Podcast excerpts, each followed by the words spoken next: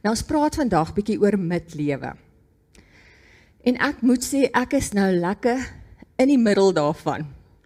Hierso in my middel 40s toe kom ek agter as ek voor 'n gehoor staan soos julle of selfs vir ons gemeente en ek preek, dan begin daar so 'n warm gloede opstoot hier van onder af. En dan voel ek hoe die sweet my afdrup en dit voel vir my of almal dit raak sien. En ek het natuurlik dadelik, hoe to, wonderlik is dit dat ek by dokter Carolina uitgekom het en sy het my gehelp met al hierdie simptome. Ek het agtergekom ek het hierdie skommelende emosies. En ek het agtergekom ek raak kwaai. Dan kyk ek my tienerseun so, klein Siebert, en tieners het mos so geneigtheid om so knorrig te wees en ek sien my knorrige hormonale self in my tienerseun en ek dink by myself nou is ons twee hormonales in hierdie huis arme Siebert en Carmen. En ek kom agter maar ek oefen en ek verloor nie gewig nie. En ek begin ten spyte van al my serums en rome fyn lyntjies om my oë kry. En my emosies is op en af en ek En ek herken nie meer hierdie vrou, hierdie middeljarige vrou in die spieël nie. Ek weet nie wie dit is nie. Ek en ek raak vies en ek dink maar hierdie is nou my en Siebert se tyd. Ons kinders is nou al lekker groot, ons loopbane is gevestig en nou is ek op hierdie wipplank van emosies en dalende hormone. Ek dink dokter Carolina het gesê my estrogen was 0. so ek het dit regtig begin ervaar en, en dit was nie vir my 'n lekker tyd gewees nie. En ek dink dit is een van die uitdagings wat 'n mens kry. Nou lees ek 'n boek en die boek se naam is Outliving Your Ovaries. En in hierdie boek vertel Outliving goeie titel nou, Outliving Your Ovaries. En in hierdie boek vertel hulle van 'n sakevrou baie dinamiese sakevrou en haar emosies het ook so begin beplank kry.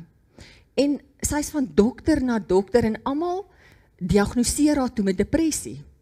En almal skryf net sterker en sterker antidepressante voor en op die ou end beland hierdie vrou in 'n psigiatriese hospitaal en toe sy amper op breekpunt was, diagnoseer haar ginekoloog haar toe met menopause. En hulle kom agter dit is hoekom hierdie vrou um sy emosies so op en af gaan. En en dit is wat dit aan ons kan doen. Um dis nie lekker nie. Dis 'n maar ek dink wat mens moet wat mens moet besef is dat dit is ook 'n leersame tyd. Dit is 'n nuwe fase van mense lewe. Kyk mense midlewe is ook 'n tyd van stoktyd. Jy kom hierso in die helfte van jou lewe en jy kyk terug oor jou lewe en jy vra vir jouself maar het ek alles bereik? Wat ek graag wou bereik het. En baie keer dan kom jy agter maar jy het verwoed hierdie leer geklim jou hele lewe lank en toe jy nou bo kom, toe besef jy maar hierdie leer was al die tyd teen die verkeerde muur gewees. Of jy's teleurgesteld dat dinge toe nou nie uitgewerk het soos jy gedink het dit gaan uitwerk. Jou lewe het toe nie uitgewerk. Jou drome het nie gerealiseer soos jy gedink het dit sou nie. En weet jy, ek dink ons moet versigtig wees om nie te hard te wees op onsself nie. Ek het nou onlangs ook 'n boek gelees en die boek se naam is um Why We Don't Sleep. En dit gaan ook onder andere oor menopause en jou midlewe. En die skrywer sê toe iets in hierdie boek wat wat nogal vir my 'n openbaring was. Sy sê in die 1960s rond. Toe is daar vir jong meisies en vroue vertel Julle kan enige iets bereik. Julle kan enige kwalifikasie kry. Julle kan die hoogste sport, die hoogste beroepe kry en julle kan julle gesinnetjies lekker onderhou op die koop toe gelukkige gesin hê, né? En sy sê dis alles waar. Natuurlik kan vroue dit doen. Natuurlik kan ons daai kwalifikasies kry en daai studies en die hoogste sport bereik. Sy sê maar daar is nie vir vroue vertel van die uitdagings nie. Uitdagings soos byvoorbeeld jy dalk dieselfde kwalifikasie as 'n man, maar jy kry nie daai hoë pos soos wat 'n man kry nie. Jy dalk dieselfde kwalifikasie, maar jy kry nie dieselfde salaris nie. jy dalk nie daarmee rekening gehou dat jy dalk op die einde enkel mamma gaan wees nie. Of dat jou man jou glad nie gaan ondersteun in jou drome nie. Nou ek staan in die wonderlike posisie dat my man Siebert die wind onder my vlerke is. Maar baie vroue het nie daai voorreg nie. En dan het die mediese wetenskap nou so ontwikkel dat ons ouers word al hoe ouer. Nou baie keer in jou midlewe is jy in 'n posisie waar jy nie net na jou kinders moet kyk nie, maar jy moet ook na jou ouers kyk. En natuurlik wil ons dit doen. En dit is 'n voorreg om dit te kan doen om na jou ouers te kyk en jou kinders te kyk. Dit dis 'n wonderlike voorreg, maar op die ou end is jy een mens en het jy soveel tyd En is dit 'n uitdaging? En om al hierdie balle in die lug te hou en later voel jy soos 'n mislukking en dit voel vir jou maar jy het nie bereik wat jy gedroom het nie en jy voel soos 'n mislukking en ek dink mens moet tog hierdie uitdagings vir mekaar erken. En jy moet besef maar weet jy dit wat jy bereik het is eintlik fenomenaal ten spyte van hierdie uitdagings. Want ons is geneig om net altyd die mislukkings te onthou. Want dit is wat met jou gebeur in jou midlewe. In jou midlewe gaan tyd jy stok en jy dink maar hierdie het nie gebeur nie. Hier het ek misluk, hier het ek foute gemaak. Weet julle daar is 'n 'n Russiese sielkundige en sy sy haar van is Zygarnik. Zygarnik. En hulle praat ook in die sielkunde van die Zygarnik effek. Die Zygarnik effek. En dit is dat jou brein werk soos 'n liaseerstelsel. En al die suksesse en dit wat jy suksesvol afgehandel het, stoor jou brein. So jy dink nie sommer weer daaraan nie, maar die mislukkings of die onafgehandelde goed skommel jou brein die heeltyd rond. Dis asof jou brein dit nie kan liaseer nie, want jou brein sien dit as onafgehandel. As onsuksesvol, die Zeigarnik effek. So daarom is ons geneig om die heeltyd te dink aan die foute wat ons gemaak het. Dit wat toe nie gebeur het nie. Dit wat onafgehandel is. Die mislukkings wat ons gehad het. In plaas daarvan om bietjie in herinnering te roep dit wat goed was. Dit wat mooi was. Dit wat wel suksesvol was, die mylpale, die mooi mylpale. En ek dink wanneer ons nou in hierdie tyd van ons lewe staan van ons midlewe en ons so stoktyd doen en terugkyk oor ons lewe, moet jy bewus wees van die Zeigarnik effek. En jy moet regtig 'n bietjie gaan opdiep al die mooi, al die suksesse en nie gedurig jouself pak slaag gee oor foute en dinge wat toe nie gerealiseer het nie. Want dit wat jy bereik het, is fenomenaal. Ek dink mens moet die groter prentjie sien. Ek dink dit is baie belangrik in hierdie stadium, um, as jy voel jy kan nie meer nie dat jy vra vir hulp. Dat jy na 'n ginekoloog toe gaan of 'n sielkundige of 'n beraader. Moenie probeer om alleen hierdie geveg te veg nie. Kom na Finesse Klap 50 funksies toe. Laat ons jou kan toerus, dat ons jou kan help, want hierdie is 'n wonderlike fase van mense lewe, 'n wonderlike nuwe hoofstuk. Dan kom jy nou op 'n punt wat jy besef maar daar is goed wat ek verkeerd gedoen het. Moenie top daaroor nie. Vat dit dadelik na die Here toe. Werk saam met die Here deur hierdie pyn.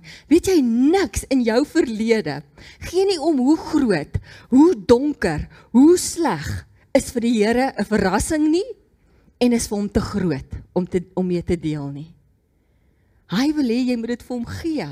Hy wil hê jy moet saam met hom daardeur werk. Hy kan jou pyn uit jou pyn kan hy vernuwing bring. So vat dit vir hom. Luister wat staan daar in 1 Johannes 1 vers 9. Maar as ons ons sonde bely, hy's getrou en regverdig. Hy vergewe ons sonde en rein ons, reinig ons van alle ongeregtigheid. Wat ook al jy gedoen het. Onthou jy die verhaal van die verlore seun in Lukas 15? Daai seun wat so erg droog gemaak het eintlik 'n klap in sy pa se gesig, né? En hy besef hy het 'n fout gemaak. En hy draai om en hy gaan terug huis toe. En sy pa hardloop hom tegemoet met oop arms En hy sit vir hom 'n ring aan sy vinger en hy gee vir hom 'n kleed en is al simbole van vergifnis. En hy sê kom ons vier fees. My kind is terug. Hy hardloop hom tegemoet met arms vol genade. So as jy op hierdie stadium van jou lewe kom en jy ervaar hier diep binne maar daar is goed wat ek nie reg gedoen het nie. Moenie sit in top oor dit nie. Vat dit vir die Here en begin weer leef. Want hy gee volkomme vergifnis. Hy sê hy vat daai ding en dit staan in Micha en hy gooi dit in die diep see en hy dink nie eers weer daaraan nie. So hou op top daaroor. In mense midlewe begin jy ook 'n bietjie dink oor jou eie verganklikheid. Onthou julle toe jy nou jonk was, nou, hierso in jou 20's, het jy gedink jy gaan vir ewig lewe. En nou dat mens ouer raak en jy tel dalk 'n skeet of twee op en jy begin sien van jou vriende, daar word begrafnis gehou, dan begin jy besef maar daar gaan 'n dag kom wat jy jou laaste asem gaan uitblaas. En ek wat 'n predikant is, ek word elke nou en dan daaraan herinner wanneer ek 'n begrafnisdiens moet doen.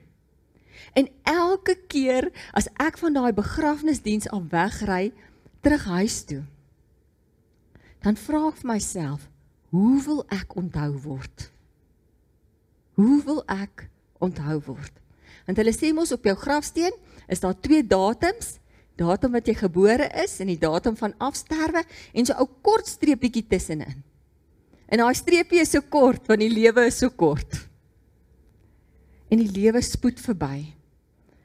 So daar word vertel van hierdie kerkvader. En hy het besluit hier op sy ou dag, hy wil nou slank sy kus laat maak. En dan het hy uh so een keer 'n week, dan het hy nou in sy kus gaan lê. Net vir so halfuur of wat, het hy in sy kus gaan lê. Net om homself te herinner dat hy eendag gaan sterf. En wanneer 'n mens met 'n bewustheid van die dood leef, herinner dit jou om vandag voluit te leef. So wanneer jy elke nou en dan, so dis nie sleg om nou en dan te dink aan jou verganklikheid nie. Want dit herinner jou, ek gaan eendag sterf en daarom moet ek vandag voluit leef. En daarom moet ek vandag elke oomblik aangryp. So dis nie sleg om so nou en dan aan jou eie verganklikheid te dink nie. Mense met lewe kan jou seermaak. Dit kan die mense om jou seermaak. En daarom is dit nodig om so 'n bietjie daaroor te dink en te reflekteer. Weet ons leef in 'n baie besige samelewing en ons is net aan die gang die hele tyd. Maar om so nou en dan net tot stilstand te kom en te besef te reflekteer oor jou lewe. Iemand het eendag gesê an unexamined life is not worth living. Te dink oor jou lewe, te dink oor die verlede, te dink oor jou mylpale, te dink oor die toekoms. Dis 'n goeie plek waar ons nou is. Dis 'n goeie plek om te wees en om by God se voete te sit. En ek ek dink nie ek sou deur hierdie tyd kon gaan as ek nie die heeltyd vasgeklou het aan die Here nie.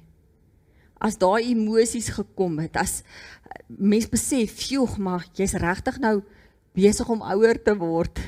Die lewe staan nie stil nie, nou."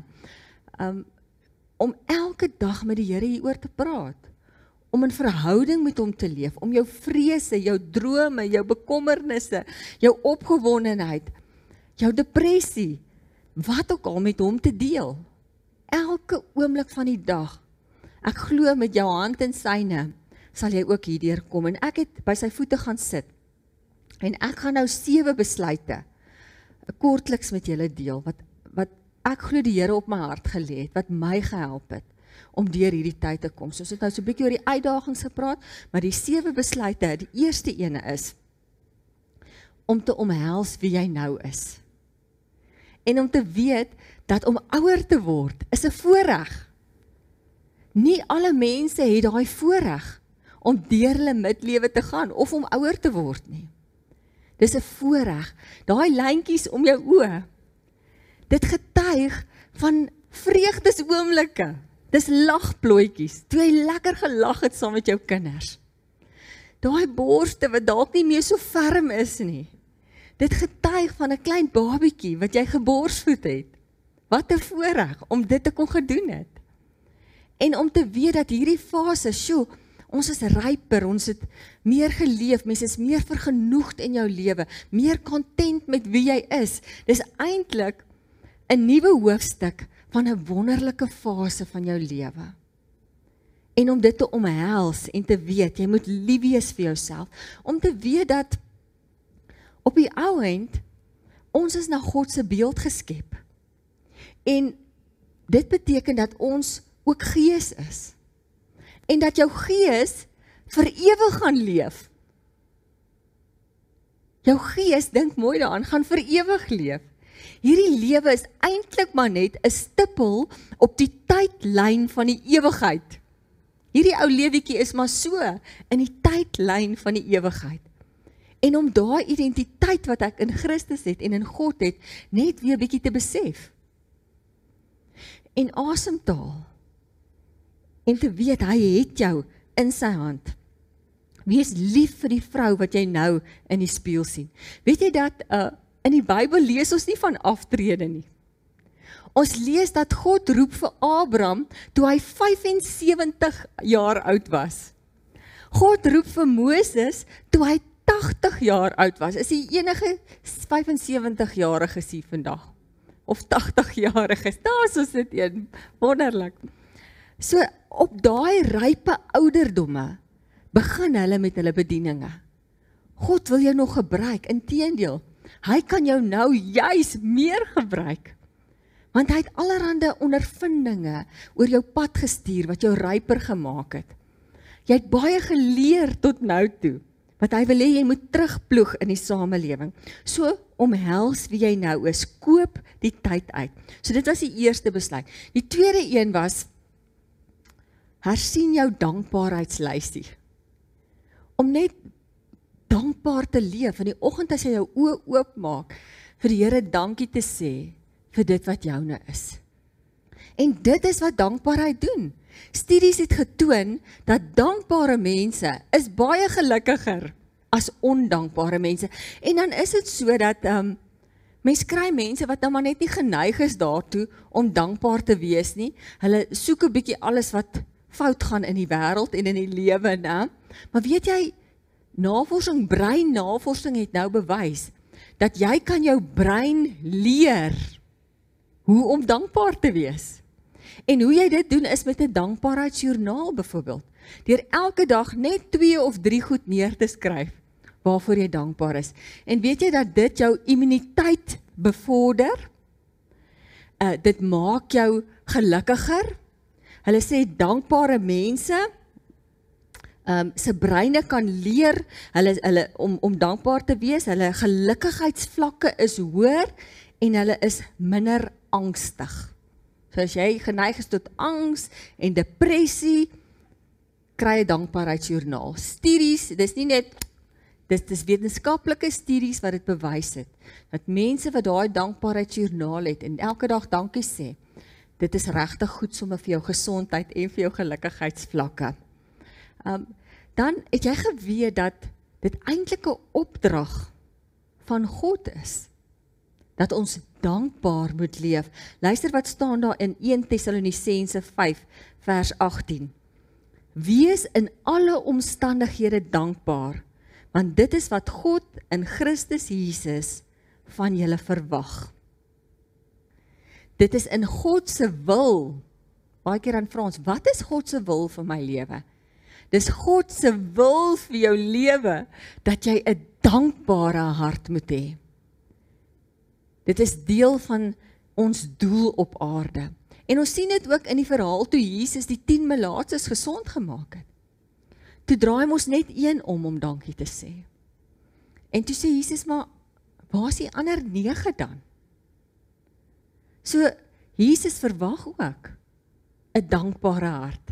En ons kom agter oral waar Jesus gegaan het, het hy ook dank uitgespreek voor dit hy byvoorbeeld die vis en brood vermeerder het, voordat hy Lazarus uit die dood uit opgewek het, het hy dankie gesê. So om met dankbare harte te leef. Dalk het jy gebid jare terug vir 'n ou babietjie. En toe gebeur dit en die Here verhoor jou gebed. En toe word daai baba 'n tiener. en toe vergeet jy bietjie dit was 'n antwoord op gebed, né? Of jy het gebid vir werk. En toe kry jy werk. En na 'n paar jaar dan vergeet ons so bietjie. En ons leef nie meer dankbaar nie of jy het gebid dat jy gesond moet word. En toe word jy gesond en toe dink jy ag maar ek sou in elk geval gesond geword het. En ons vergeet om met dankbare harte te leef. En ek het in hierdie fase van my lewe het ek net weer besef hoe ek moet fokus op die mooi, hoe ek moet fokus daarop om dankbaar te wees. Want mens kan so vinnig in 'n negatiewe gat ingetrek word met daai hormone en alles om jou wat besig om te gebeur.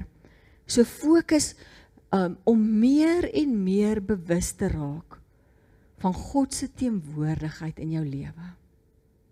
Elke dag leef met 'n bewustheid van God se hand in jou lewe. My kollega by die kerk, Dr. Rolf Opperman, hy het ons belydenesklas uitgedaag en hy het hulle gesê, "Gaan hierdie week en gaan neem foto's van God se oomblikke wat jy beleef. Oomblikke in jou dag wat jy regtig die Here nou ervaar het." En al die kinders het teruggekom met foto's van die natuur. Want ons ervaar God mos baie keer in sy skepping. En toe sê hy vir hulle nee nee, gaan weer terug. Soek dieper. En hy sê daai kinders het teruggekom met foto's wat bo sy begrip was. Waar hulle God beleef het. Weet daai WhatsApp wat iemand vir jou stuur op net die regte oomblik of daai telefoon oproep of daai dan sit jy die radio aan en dan's daar 'n boodskap en weet jy maar daai boodskap is net vir jou bedoel. Dit is God se oomblikke. Moenie net oor dit hardloop nie. Moenie net oor sy genade hardloop nie. Maak vra, Here, maak my geestes oë en ore oop. Ek wil sien hoe hy in my in my lewe werk. Ek wil dit ervaar en jy sal verbaas staan hoe jy bewus raak van goedjies van hoe God werk in jou lewe. Ons is so geneig om foutsoekerig te wees, né? Kom ons soek die mooi stories. Kom ons soek die God stories. Kom ons soek in ons eie lewe waar werk God en leef met 'n dankbare hart. So dit was die tweede en die eerste een was gewees om hels wie jy nou is. Dis 'n voorreg om ouer te word. Jy moet nou mooi luister hierdie pryse, né? En die tweede een is 'n uh hersien jou dankbaarheidslysie. Die derde ding wat ek nou in hierdie fase van my lewe agtergekom het is hoe lekker dit is om te gee. Kyk as my jonk is dan wil jy net ontvang, né? Maar hoe lekker dit is dat as mens op 'n stadium kom wat jy weet, weet die Here het jou nou al toegerus met ondervinding. Sekere goed het in jou lewe gebeur. Jy het deur sekere goed gewerk. Um hy het jou unieke gawes en talente gegee. En nou is die tyd wat jy moet terugploeg in jou gesin, jou familie, in die samelewing. Ploeg terug, gee. Dis lekkerder om te gee as om te ontvang. Ek vertel altyd ons het 'n uh, verskeie plakkerskampe daar in die Kameeldrif omgewing, wit en swart, en ek werk baie keer hoofsaaklik met die kinders. En dan ry ek soontoe dan dink ek vandag gaan ek nou vir daai kinders iets beteken. En dan ry ek terug dan besef ek maar hulle het vir my baie meer beteken is wat ek ooit vir hulle kon beteken het. Wie daai absolute afhanklikheid van die Here waarmee hulle leef. Dit gaan eintlik so sleg met hulle, maar hulle praise and worship laat daai dak wil lig, né? En dan besef ek hoe baie hulle vir my beteken. Dit is so lekker tyd in jou lewe. Vra vir die Here, gebruik my as 'n verskilmaker. Wat is dit wat jy kan teruggee in hierdie stadium van jou lewe? Gee terug gee vir jou gemeenskap. Jy geweet dat uh, studies het ook getoon dat ouer mense wat betrokke is in gemeenskapswerk is baie gelukkiger as mense wat nie betrokke is by gemeenskapswerk nie. Die vierde ding, baie belangrik. Koester en versorg jou lieflike lyf kyk na jou liggaam. Dit verstom my altyd hoe party mense beter na hulle motorkarre kyk as wat hulle na hulle liggame kyk. Oefen, eet reg. Uh en doen wat jy lief. Weet ek wil nou nie meer gym toe gaan nie. Ek stap in die natuur en ek praat met die Here en dit is my lekker, maar kyk na my liggaam. Ek kyk wat ek eet. Ek versorg my vel. Ons moet na ons liggame kyk. As jy oefen, dan hanteer jy depressie soveel beter. As jy oefen, is jy gesonder. As jy oefen, gaan jy so maklik 'n hartaanval kry nie. So kyk na jou liggaam. Pas jou liggaam op. Rus genoeg. Rus genoeg. Kry maar daai 8 ure slaap 'n nag in. Het jy geweet dat rus is vir God so belangrik? Hy sit dit in die 10 gebooie. Om te rus is vir God so belangrik. Hy sê dit in die 10 gebooie, jy moet rus op die Sabbatdag. Dit word in dieselfde asem genoem as moenie moord pleeg nie. Rus. God het ons aan mekaar gewewe. Hy weet wat ons nodig het. As jy nie gaan genoeg slaap nie, dan is jy meer geïrriteerd, jy's makliker geneig tot depressie, eh, jou liggaam kan nie lekker funksioneer nie en al daai goed begin sneeubal as jy nie genoeg slaap nie. So slaap, rus genoeg. Partykeer is om te rus die mees geestelikste ding wat jy kan doen.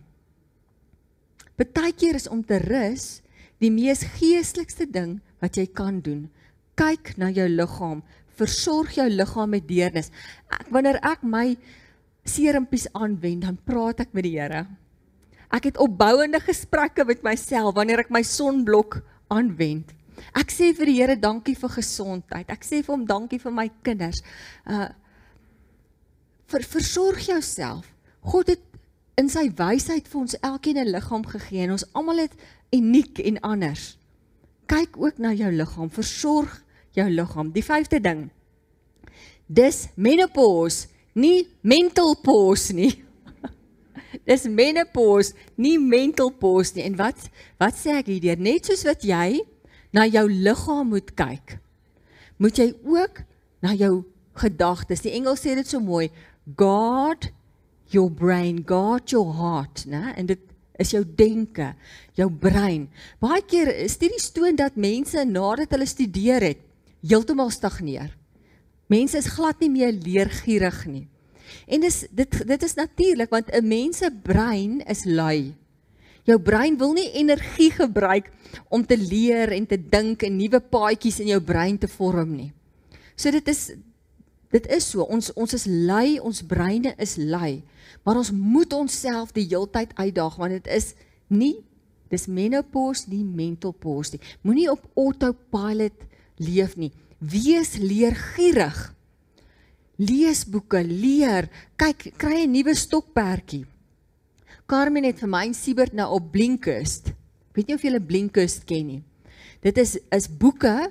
Dit is 'n app wat jy aflaai.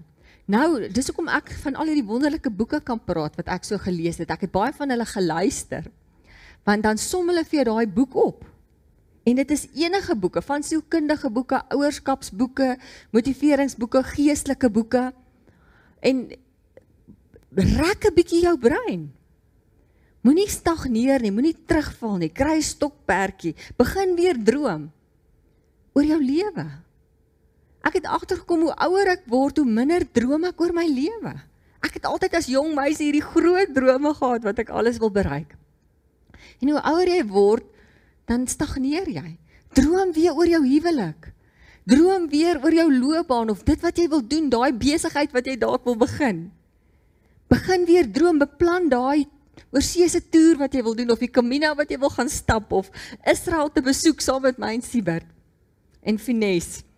So begin weer droom, rek jou brein, begin weer dink. Hoor hoe interessant is hierdie. Hulle sê ja, jonger studente leer dalk vinniger as ouer studente. Maar ouer studente onthou die werk baie langer. En ouer studente pas die werk actually toe. So moenie geïntimideer voel deur jonger mense en en jonger studente nie. Ek onthou toe ek begin teologie studeer het hier by Tikkies. Toe het ons oom JP. Ek dink hy was seker in sy 40s toe begin hy saam met ons ou jongetjies begin hy teologie studeer en hy het klaar gemaak. En ek dink hy daai werk baie meer ingeneem en toegepas as wat ons wat net pas uit die skool was dit gedoen het. So kry vir jou iets, begin dalk weer iets studeer of 'n uh, kursus op die kant doen. Guard your mind, pas jou denke op. Weet, daar staan in Spreuke dat wees versigtig wat in jou hart omgaan want dit bepaal jou hele lewe. Dit wat jy dink bepaal jou hele lewe. Jou denke is 'n voorloper van dit wat jy sê en dit wat jy sê is 'n voorloper van dit wat jy doen. As jy gaan dink, "Ag, ek's nou stokoud, ek gaan op die stoep sit en doodgaan," jou liggaam gaan reageer daarop. Pas op wat jy dink. Paulus sê, as hy sê neem jou gedagtes gevange, dan praat hy oorlogstaal. So hy sê ons moet verbete veg teen daai negatiewe slegte gedagtes. En weet jy nou meer as ooit?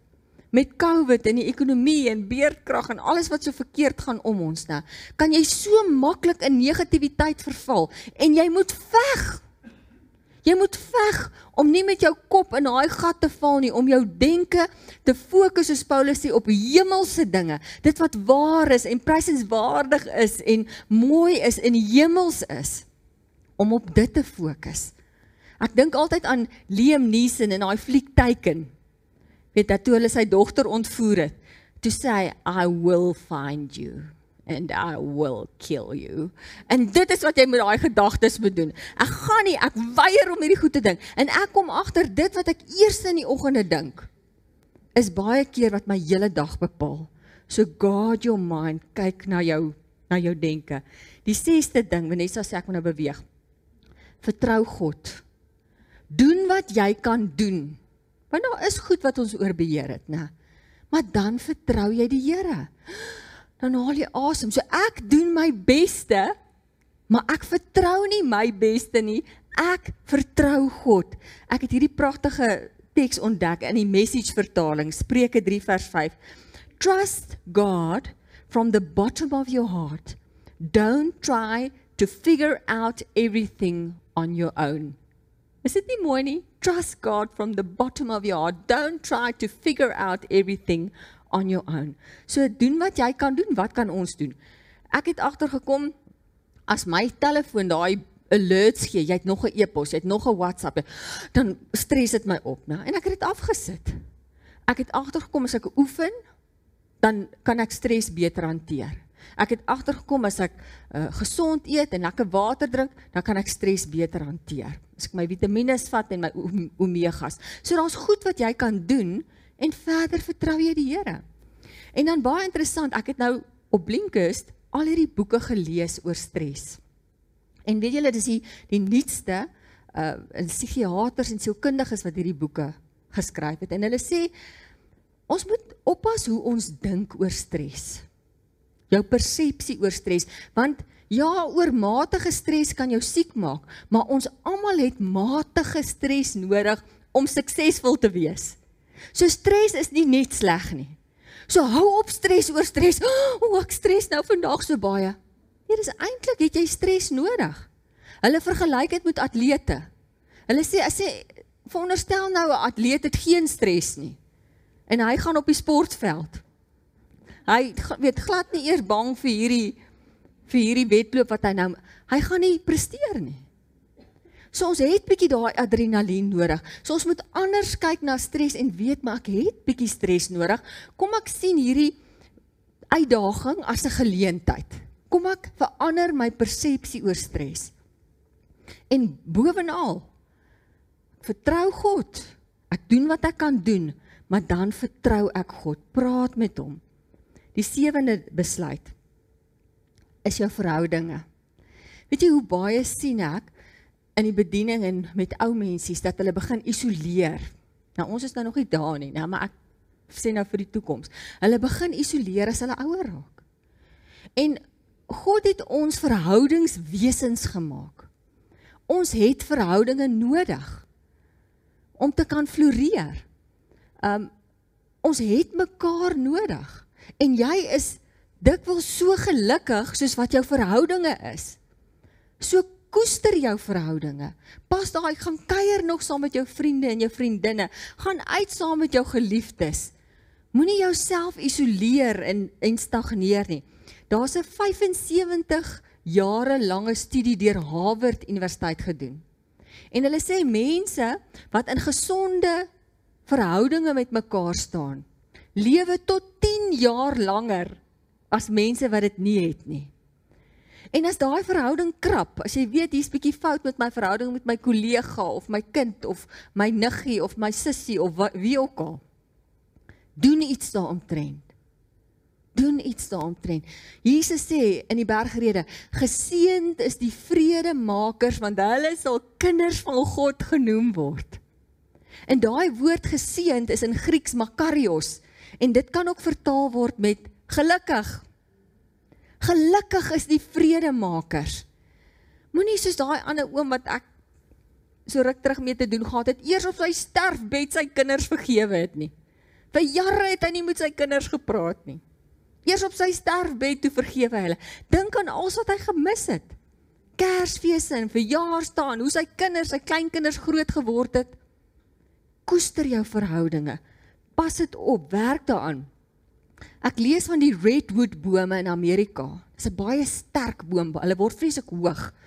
Maar hulle kom toe agter my hierdie bome se wortels is nie onnatuurlik diep nie.